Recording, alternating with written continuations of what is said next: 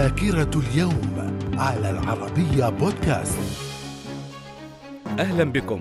من ذاكرة اليوم السادس من سبتمبر في عام 1901 الرئيس الأمريكي ويليام ميكنلي يتعرض لمحاولة اغتيال أدت إلى وفاته في الرابع عشر من سبتمبر. من الذاكرة. في عام 1924 الزعيم الفاشي بينيتو موسوليني يتعرض لمحاولة اغتيال فاشلة في روما من جانب مجموعة من الشيوعيين.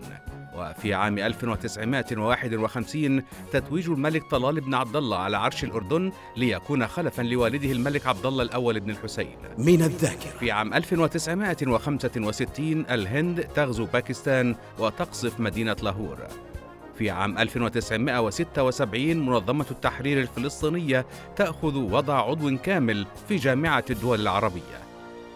وفي عام 1991 الاتحاد السوفيتي يعترف بجمهوريات البلطيق الثلاث التي استقلت. من الذاكرة. في عام 1997 إجراء مراسم دفن ديانا أميرة ويلز.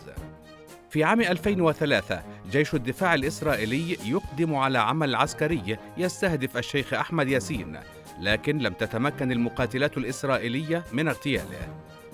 في عام 2007 الرئيس الجزائري عبد العزيز بوتفليقة ينجو من تفجير انتحاري أدى لمقتل 15 شخصا وجرح 74 آخرين. من الذاكرة. من مواليد اليوم السادس من سبتمبر في عام 1937 علي المدفع ممثل سعودي.